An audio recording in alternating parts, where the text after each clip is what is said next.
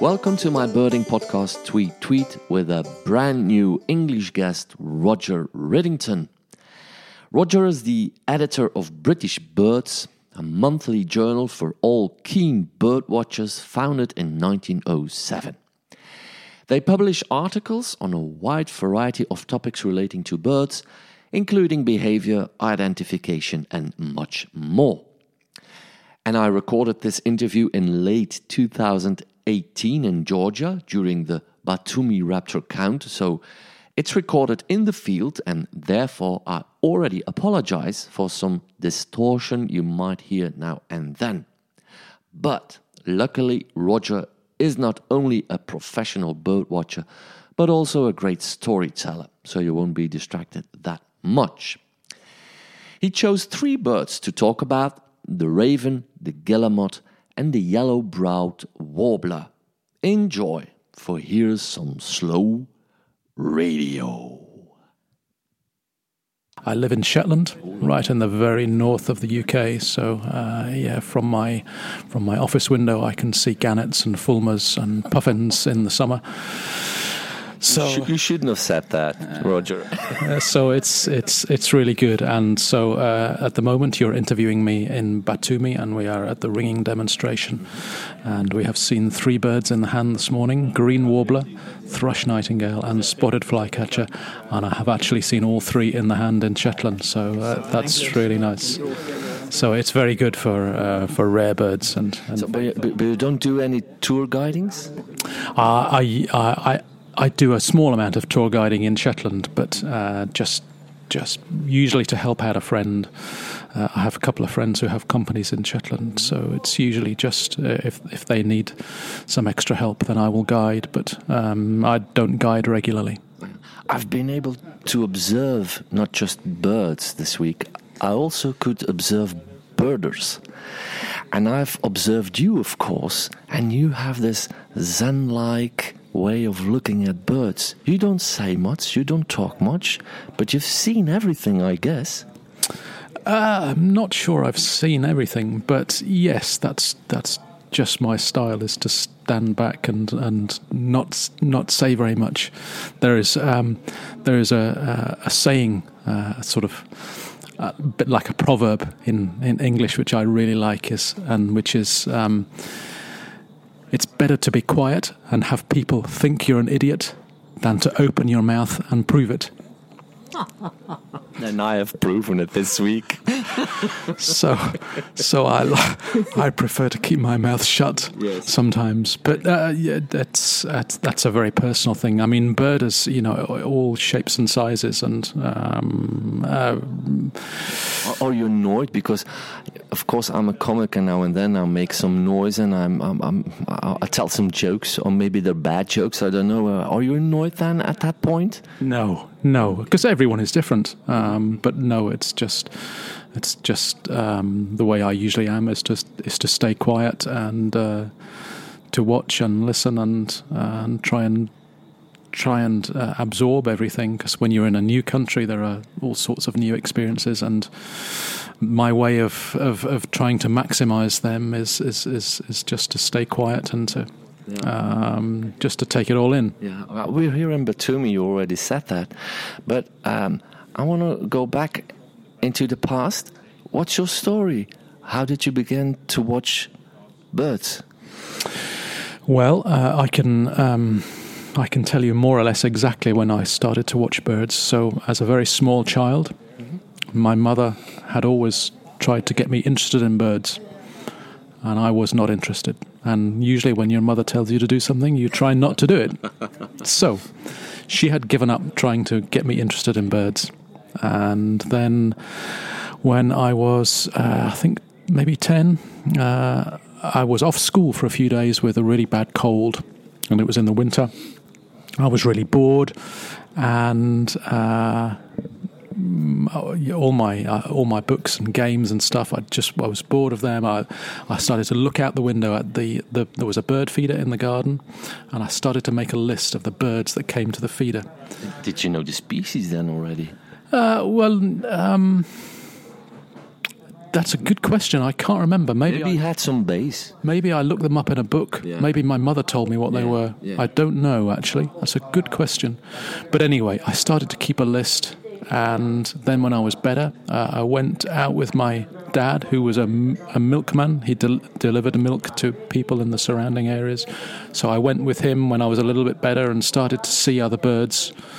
And in that week or two weeks, uh, my bird watching started. But it started really slowly. So, um, um, where I went to school, it was not cool to be a bird watcher. Oh, no, no, no. Uh, so, all through my teens, I was a secret bird watcher, didn't tell no one.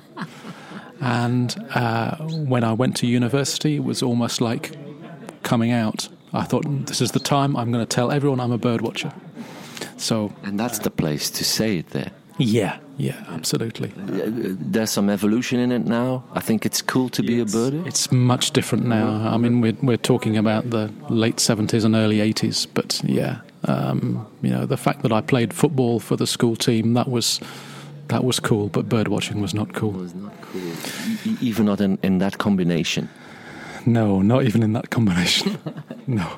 So- so- and and uh, then when I went to university, I did my first degree, and I gradually got more interested in birds, and I decided I wanted to do another degree uh, in birds. So my PhD um, was in a different department, the zoology department, and I worked on birds for my PhD. Uh, what, what, what was the uh, the subject? uh, well, the subject uh, I worked on the great tit, Parus major, which you will know, and. Uh, Oh, again, uh, a bird that sits on the on the bird feeder. A bird that sits on the bird feeder, but more importantly, it nests in nest boxes. Yes, And if you put enough nest boxes in uh, a given area, then eventually you should get virtually the whole population nesting in those nest boxes. So you can get a really good handle on the whole population and you can ring the adults and the chicks. So, so that's um, uh, rather easy to do. Well, easy. It's a very good study um, species. Yeah. Yeah. Uh, so you can, and then you can look at many other things. And my the focus of my research was to look at movements, particularly between the breeding season and the, the winter, and look at the trade-off between the birds staying on their territory all year round, because in the winter it, it's it's hard to find food, so they struggle. Some birds move to the city to to use the bird feeders, but then in the spring, the birds that have stayed on territory all season, they're there first. They can get the best territories and the best mates, uh, so there is an advantage then to them. Yeah, yeah. Um, so that that was what my PhD was all about. Uh, And now you evolved into a a birder who only identifies birds. Because what I really like about birding is also to know the story behind the bird. Every bird has a story, and now and then I think, yeah, I like to identify birds, but what's the story behind it? Yeah, no, I I I I, uh, do like identification. That's a big part of um, of my birding story. But it's not just that. No, I like to know uh, about the bird's ecology and its lifestyle. Um, and ringing, which we've been looking here this morning, that's been a big part for me in in learning more about birds. It was a big part of my PhD. That's when I learned to ring birds. Uh, and I've done lots of work on seabirds uh, and so on, which uh, is, is is not about identification. It's about learning more about their movements, about their survival, um, their breeding success, uh, how they cope with changes in the environment, and all of those sorts of things. So, yeah, much more than just identification. Um, I come back to this later. Uh, uh, didn't I mention I was going to ask you for three species? Oh, you did. Yes. Yes. I never ask um, on forehand because otherwise you would. You, you I, I would torture you too much then because people don't know which species they have to choose. I'm not going now. You know, but Now first of all, I want I want to know what are you doing in Batumi? Uh, well, I'm here uh, on the familiarization trip, just like yourself, and uh, I, I'm here on behalf of the journal British Birds, and uh, There will be a report in British Birds. I hope so. Yes, uh, uh, my aim for British Birds is to actually get um, quite a nice paper on the history of the of the raptor watch point Yeah. and um, some statistics, some counts uh, of the of the key species. You know, in all the years it's been counted. Because the really interesting thing about Batumi is that it's quite new. So the counts just started in the um, Ten years ago. 10, 12, 15 years ago, which is really recent. Uh, you know, most of the most of the iconic raptor migration sites around the world have been known for years and years and years, and this one is completely new. And it's a big one. It's massive. It's yes, it's unbelievable. it's uh, you know um, you can look at the statistics however way you like, but I think this is um, uh, in, in terms of the total number of birds is around the third biggest raptor watch point in the world and the biggest in Eurasia. Yeah. Which is amazing. And it's only been known for 10, 15 years. So the history of its discovery will be interesting to r- readers throughout the world and um, some knowledge of the of the timing and the numbers of the key species. Honey buzzard we've been seeing lots of this week, and also black kite. Later, it's steppe buzzard and uh, you know some of the eagles. So, so I You forgot the harriers, Roger. and the harriers. How could I forget the harriers? That's nice that you say that. How can I forget them? Because every time people see, I, I also um, asked that to Klaus. I said every time birders, and I include myself as a birder. Maybe I haven't got as much as knowledge as you have here, but every time you see a honey buzzard, you say, "Oh, really? That's beautiful." But when we see a harrier, there's something else going on with a birder, isn't it? Yeah, it is. I think it's uh, a combination of um, uh, the fact, particularly the smaller harriers, it's just the, their their movement. Um, they're really elegant uh, birds. They're, they're beautiful. They're beautiful to watch. Just like a bee eater is just so streamlined and it's so elegant, and it just has a just a beautiful way of moving. And I think that's what it's it is about the harriers. Plus the fact that they're incredibly difficult to identify in many cases. So there is a mystique about them, Yeah. and birders are always worrying about harrier identification and whether they got it right. So it's always a kind of harrier's quest. Yeah, something like that. Now, the most difficult part of this interview, the species. Well, the species. Well, actually, uh, when people ask me what is my favourite bird, uh, I normally say the raven is my favourite bird. So um, in Shetland, there's a really good breeding population of ravens. Um, so it's easy to see ravens in Shetland, and uh, I know them as You want some shade, Roger? Oh, I'm, I'm okay. I know them as um, as breeding birds, so we visit the nests to ring the chicks in the in the in the spring. Um, but for me, it's um, it's partly the thing we were talking about with harriers. It's the way they move, um, and in particular, their display is just amazing. They have this ability. They'll be flying along the the, the edge of the cliffs, and they can flip over and fly upside down. What sort of a bird can do that? So they have a complete mastery in the air, and they also have a real sense of fun as well. So uh, uh, sometimes around the um, around the nest, the uh, I think it's m- maybe mostly the males, but I'm I'm really not sure. It's not easy to separate males and females in the field. But sometimes when they're kind of keeping other species at bay, um, particularly fulmars, which are nest all around uh, the cliffs in Shetland. The ravens will chase the fulmars, and they will just tweak the wingtip with their beak, just snip the wingtip, and just give it a wee tug, and the fulmar is just. Is, is, is kind of almost caught off balance and starts to sort of you know spin in the air, and the raven just kind of goes on by as if to say, "Don't come near my nest." So that, It's great because I also ha- we ha- in Belgium we can't have the image of a fulmar and a raven. You know, those two species together is already this quite white bird, I think, and this black bird. You you you won't ever see that. So the image is already very beautiful. Yeah, so we get the two together all the all the time, and uh, and their calls are amazing, really loud, really deep brock, brock, brock calls, um, and yeah, I just really like them. I've I've made a podcast, of course, in Dutch about the ravens, and um, one of the things I still don't know is um, they sit together in a tree when they uh, you call it roost Mm-hmm. when they roost. Uh, um, there's still a lot of work to do on how they communicate. Yeah, there is actually. Yeah, uh, I mean the crows are traditionally thought of as very intelligent um, members of the of the bird community, and um, yeah, you're, you're right. There is a lot we don't know about um, about how they communicate with each other, uh, and. Um, uh, um, for much of the year, the ravens are less sociable than the other crows. I mean, the smaller crows, um, the rook and the carrion crow, the hooded crow, jackdaw, they all band together in Yes. huge flocks Yeah. uh, in the winter to roost. Um, uh, and that's really the case, and certainly in the ravens with, with ours, they tend to be quite solitary. Um, when the the younger birds often gang together uh, in the spring, the pre-breeders, uh, they will they will kind of form quite quite big groups. But by and large, the raven is more solitary.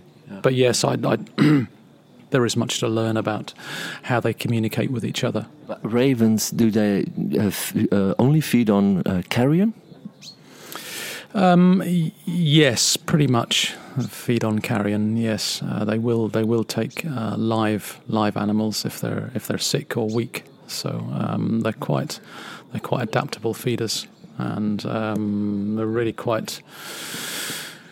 Um, uh, able, able to take a wide range of, uh, of, of, of foodstuffs, but yeah, yeah.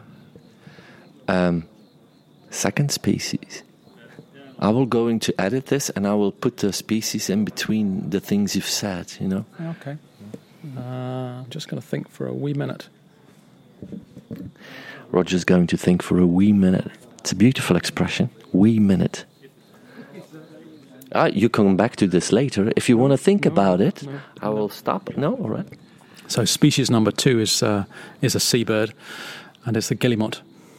Uh, so again, uh, a species that breeds uh, in large numbers around the coast where I live In colonies. in colonies. And uh, the thing for me about the guillemot is uh, it's, is, is going into the breeding colonies uh, in in the summer when the chicks are uh, have hatched, and we go into to ring large numbers of chicks. And the colony is such an amazing place. Uh, when you first go into your your your very first guillemot colony, you're overwhelmed by two things: the the smell and the sound. It's completely deafening. The birds are all yelling and shouting, not at you, at each other, at the world. They just they just they're very noisy. So you you have this amazing. It's an assault on the senses, and usually you've just come down a rope. So. Uh, maybe if it's a new slope or a, a new cliff, it's uh, it can be quite difficult to get in, or maybe you've come in by boat. But And, and they don't shout to recognize each other or something like that? Well, yes, there'll, there'll be an element of communication um, between the adults, but also between the adult and the chick as well. Yes. Um, so, um, so it's it's a it's a great um, it's a, a great experience to go into the colonies, uh, to ring the chicks, to band the chicks, um, and uh, they're such beautiful birds, and they are all around you. You can be, you know, you can reach out pretty much and touch the the adults. It's quite easy to catch the adults um, with the with the chicks if you want to, because they're protective of the chicks, so they they're they're never far away from the chicks. So that's amazing. And then I think my favourite, one of my favourite experiences in all birding is then a week, two weeks later, um, to be up at the colonies um, just as the sun sets, which Shetland, we're 60 degrees north, is really late in the day, so it's 10.30, 11 p.m. And that's when the chicks fledge. Uh, guillemot chicks typically um, leave their nest site uh, at around three weeks of age. And at that stage, they're maybe a third of the size of the adult. So they're still really small. Yeah. And what happens is that uh, they leave the uh, they leave the, their uh, nest area on a really calm night. So it's it's it has to be beautiful conditions. So which adds to the whole experience for for the human observers. And what happens is that uh, the male will uh, be on the water and he will call the chick down. So the chick, uh, it, it, it, can be quite a long process. It can be, you know, it can happen over half an hour, 45 minutes that the chick eventually realizes that this is, this is my time to enter the sea for the first time. And it can be a really amazing journey. The, the nest site can be quite high up, so it can be, the chick might, might sort of bounce off uh, ledges and across boulders, but eventually it gets to the sea, it gets to its calling father, and um, dad and the youngster. There's always one youngster, just one youngster. They just lay one egg. Uh, the youngsters swim out to sea uh, with the with the father, and they do that because it's safer at sea than on the colony. Uh, it, it, at the nest site, there's always the risk of predation from gulls or skuas or ravens. Uh, but at sea, the, the chicks can swim even though they're only one third of the size of the adults. And so, if there is danger in the skies, then they can dive and uh, they finish their development out at sea, accompanied by the, the male, which will stay with them for maybe six to eight weeks uh, or more until they're fully developed. So, what an incredible adventure! So it is absolutely incredible invention. They're uh, adventure. They're they're they're going into the North Sea, you know, at you know uh, three weeks of age. Three weeks uh, three weeks from coming out of the egg. I, di- I didn't knew that, but that's also because we don't have that much seabirds, of course, and those colonies like you have. I'm jealous already. Mm, well, yeah. Uh, and, uh, and another thing that I forgot to mention about the guillemot is its egg. It has the most amazing egg. It's absolutely huge. Uh, and it's this beautiful, really pointed egg. It's typically kind of bluish. The, the eggs are quite variable in colour, but typically bluish with lots of speckling. So it's an incredibly beautiful egg. So that's another sort of another amazing thing about the guillemots. Uh, and, and, and you see them near your house? Yes, near our house. In the in the summertime, they spend the winter at sea. And you had visits of Tim Birkhead.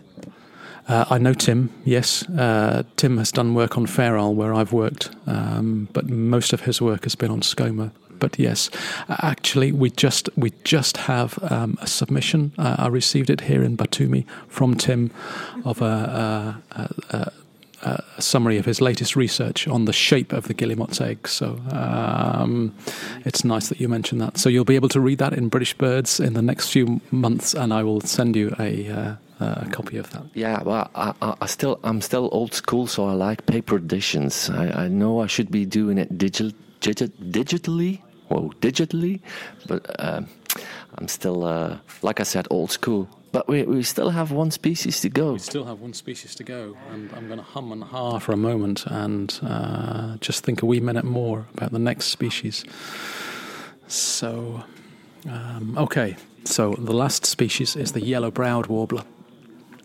Do you know the yellow-browed warbler, Phylloscopus uh, inornatus? It's a really, really small philos. I, sh- I should see it uh, in Dutch then, but the yellow, the yellow-browed warbler. Let me show you a picture on my. Yes, all these species in in English. Sometimes I mix of them course, up completely. Of course, um, but this is uh, it's one of the smallest it's of the warbler. I, I, sometimes I hate them, but I think it's because I love them so much, and they yes. you, you, you, don't get to know them very easily. It's a love-hate relationship, but this yeah. is this is one of the most beautiful warblers, I think. Here, it's this one here. I'm showing Tim a picture on my phone, and it has lots of stripes. So it has a big yeah. yellowish stripe above the eye, and it has. It looks a bit like the green warbler. It's a little bit like the green warbler. It's a little bit smaller, and it's a little bit sort of more stripy. But this is a bird that breeds in Siberia, and you've seen it.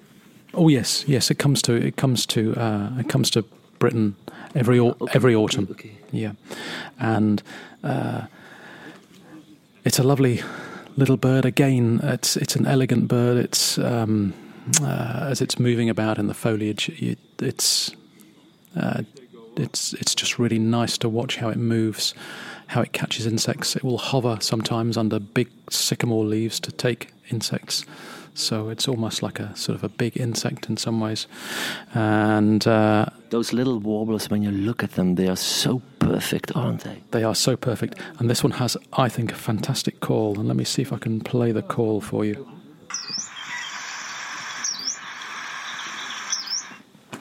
There we go. That's, and when you hear that in Shetland, it's always a sign that autumn is here, and autumn is a really exciting period for us, um, uh, with with vagrants from both east and west, uh, which is which it makes the UK such a uh, special place to look at migrants that you get things from every direction. Um, these are obviously from the east, and they come usually after easterly winds. Um, and the really interesting thing about yellow browed warblers is that they've increased massively in the last 10, 15 years. Um, uh, the numbers have just rocketed. We don't really understand why. Uh, and I think one of the reasons I've chosen this as my third bird is, is because it epitomizes the fact that there is always new stuff to learn. There are theories about why yellow-browed warblers are increasing. Their breeding range must be expanding, we assume, but it's still really poorly known. Um, uh, they're, uh, what, what, what's happening on the breeding grounds because the breeding grounds are remote and difficult to get access to, and uh, no one really has the full story on the yellow-browed warbler. Uh, I, I believe, or I think that's also part of the treasure hunt in birding, not only in ecology and the way a bird lives, but also what kind of species you see. Just like we did, uh, uh, like we did, like we saw yesterday with the predators. It um, they uh, the they predicted bad weather. They don't know where they are going. Some at times the predators, the, what kind of wind is there, and then you see that behavior of birds is linked to a, um, the complete picture. Well, uh, the, I, I, I guess the the birds read the environment in ways that we don't fully understand. They take signals um, uh, about the weather, for example. So, uh, I guess we assume that they can they can detect um, really fine scale changes in atmospheric pressure and wind direction, and they can sense the um, approach of a weather front or a, a, a particular air mass, and they respond um, innately to that uh, in ways that we, we don't fully understand, which is why it's real, still really hard to predict when it's going to be a good migration day. I mean, we think we, we think we know, and maybe, you know, we get it right seven times out of ten, but we don't fully understand how the birds read their environment. So, yeah, there is still a lot for us to learn about um, yeah, how birds respond to the environment and uh, how they respond to to changes in the environment uh, in, in in terms of their population. You know, many species are are declining at the moment because certainly in Britain um, we're just messing up the um, messing up our our countryside. Um, our farming is so intensive. Uh, we have many fewer insects than we used to have, and uh, many of our bird populations are in decline. But there are other species like the yellow-browed warbler which are increasing. So it's not all doom and gloom, uh, but on the whole, it's it's it's gloom because the you know the numbers of birds are are, are, are decreasing. That was Roger Riddington, a passionate birder talking about his three species. And if you want to know more about British birds, well, then listen to Roger's epilogue where he talks about this magazine. But for now, I would like to say thank you for listening. And I still have some English interviews lying on my shelf, and I hope to publish them soon. But for now, Roger on British Birds magazine. It's uh, a British magazine for bird watchers. It's been running a really long time. Uh, it was started in 1907, and uh, we've been published every month, more or less, since 1907. So So, so you took up a, a, a big responsibility of uh, editing a magazine which already exists for a long time. that's right. Yeah, there's there's no possibility to uh, to fail. we have to keep it going. You can't buy it in the magazine stores. Uh, it's it's a subscription only magazine, so yes, uh, you have to sign up for a year's content, and uh, it comes to you in the post or to your phone or your tablet if you prefer the digital version. Yeah, of course. I live in Belgium. I can get a subscription. Of course, yes. Uh, we have uh, quite a lot of subscribers in Europe and also the rest of the world as well. And obviously, for, for those people, it's. How many subscribers does the magazine have?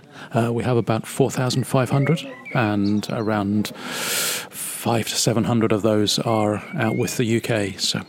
It sits um, uh, more or less halfway between the, the, the pure scientific press, uh, journals such as Nature and IBIS, and uh, the magazines like Birdwatching that you can uh, you can buy from the newsstand. So our aim is to uh, present really good quality science, but in a very accessible way. So not uh, not too much in the way of statistics or complicated formulae.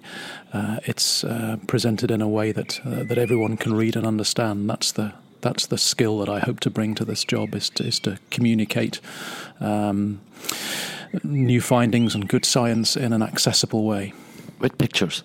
Oh, with pictures, with pictures, and of course, in the digital version, we can have video and sound. So um, the, the, digital format is uh, gives us much more flexibility. So it's it's a great thing. Um, now, what I wonder is, do you make a living of it? Uh, yes, it's a full time job. It's a very small company. We have just two full time employees, and we employ three others uh, on a contract basis, just short term. That must be great it's great because I can work at home. So I live in a really nice part of the UK,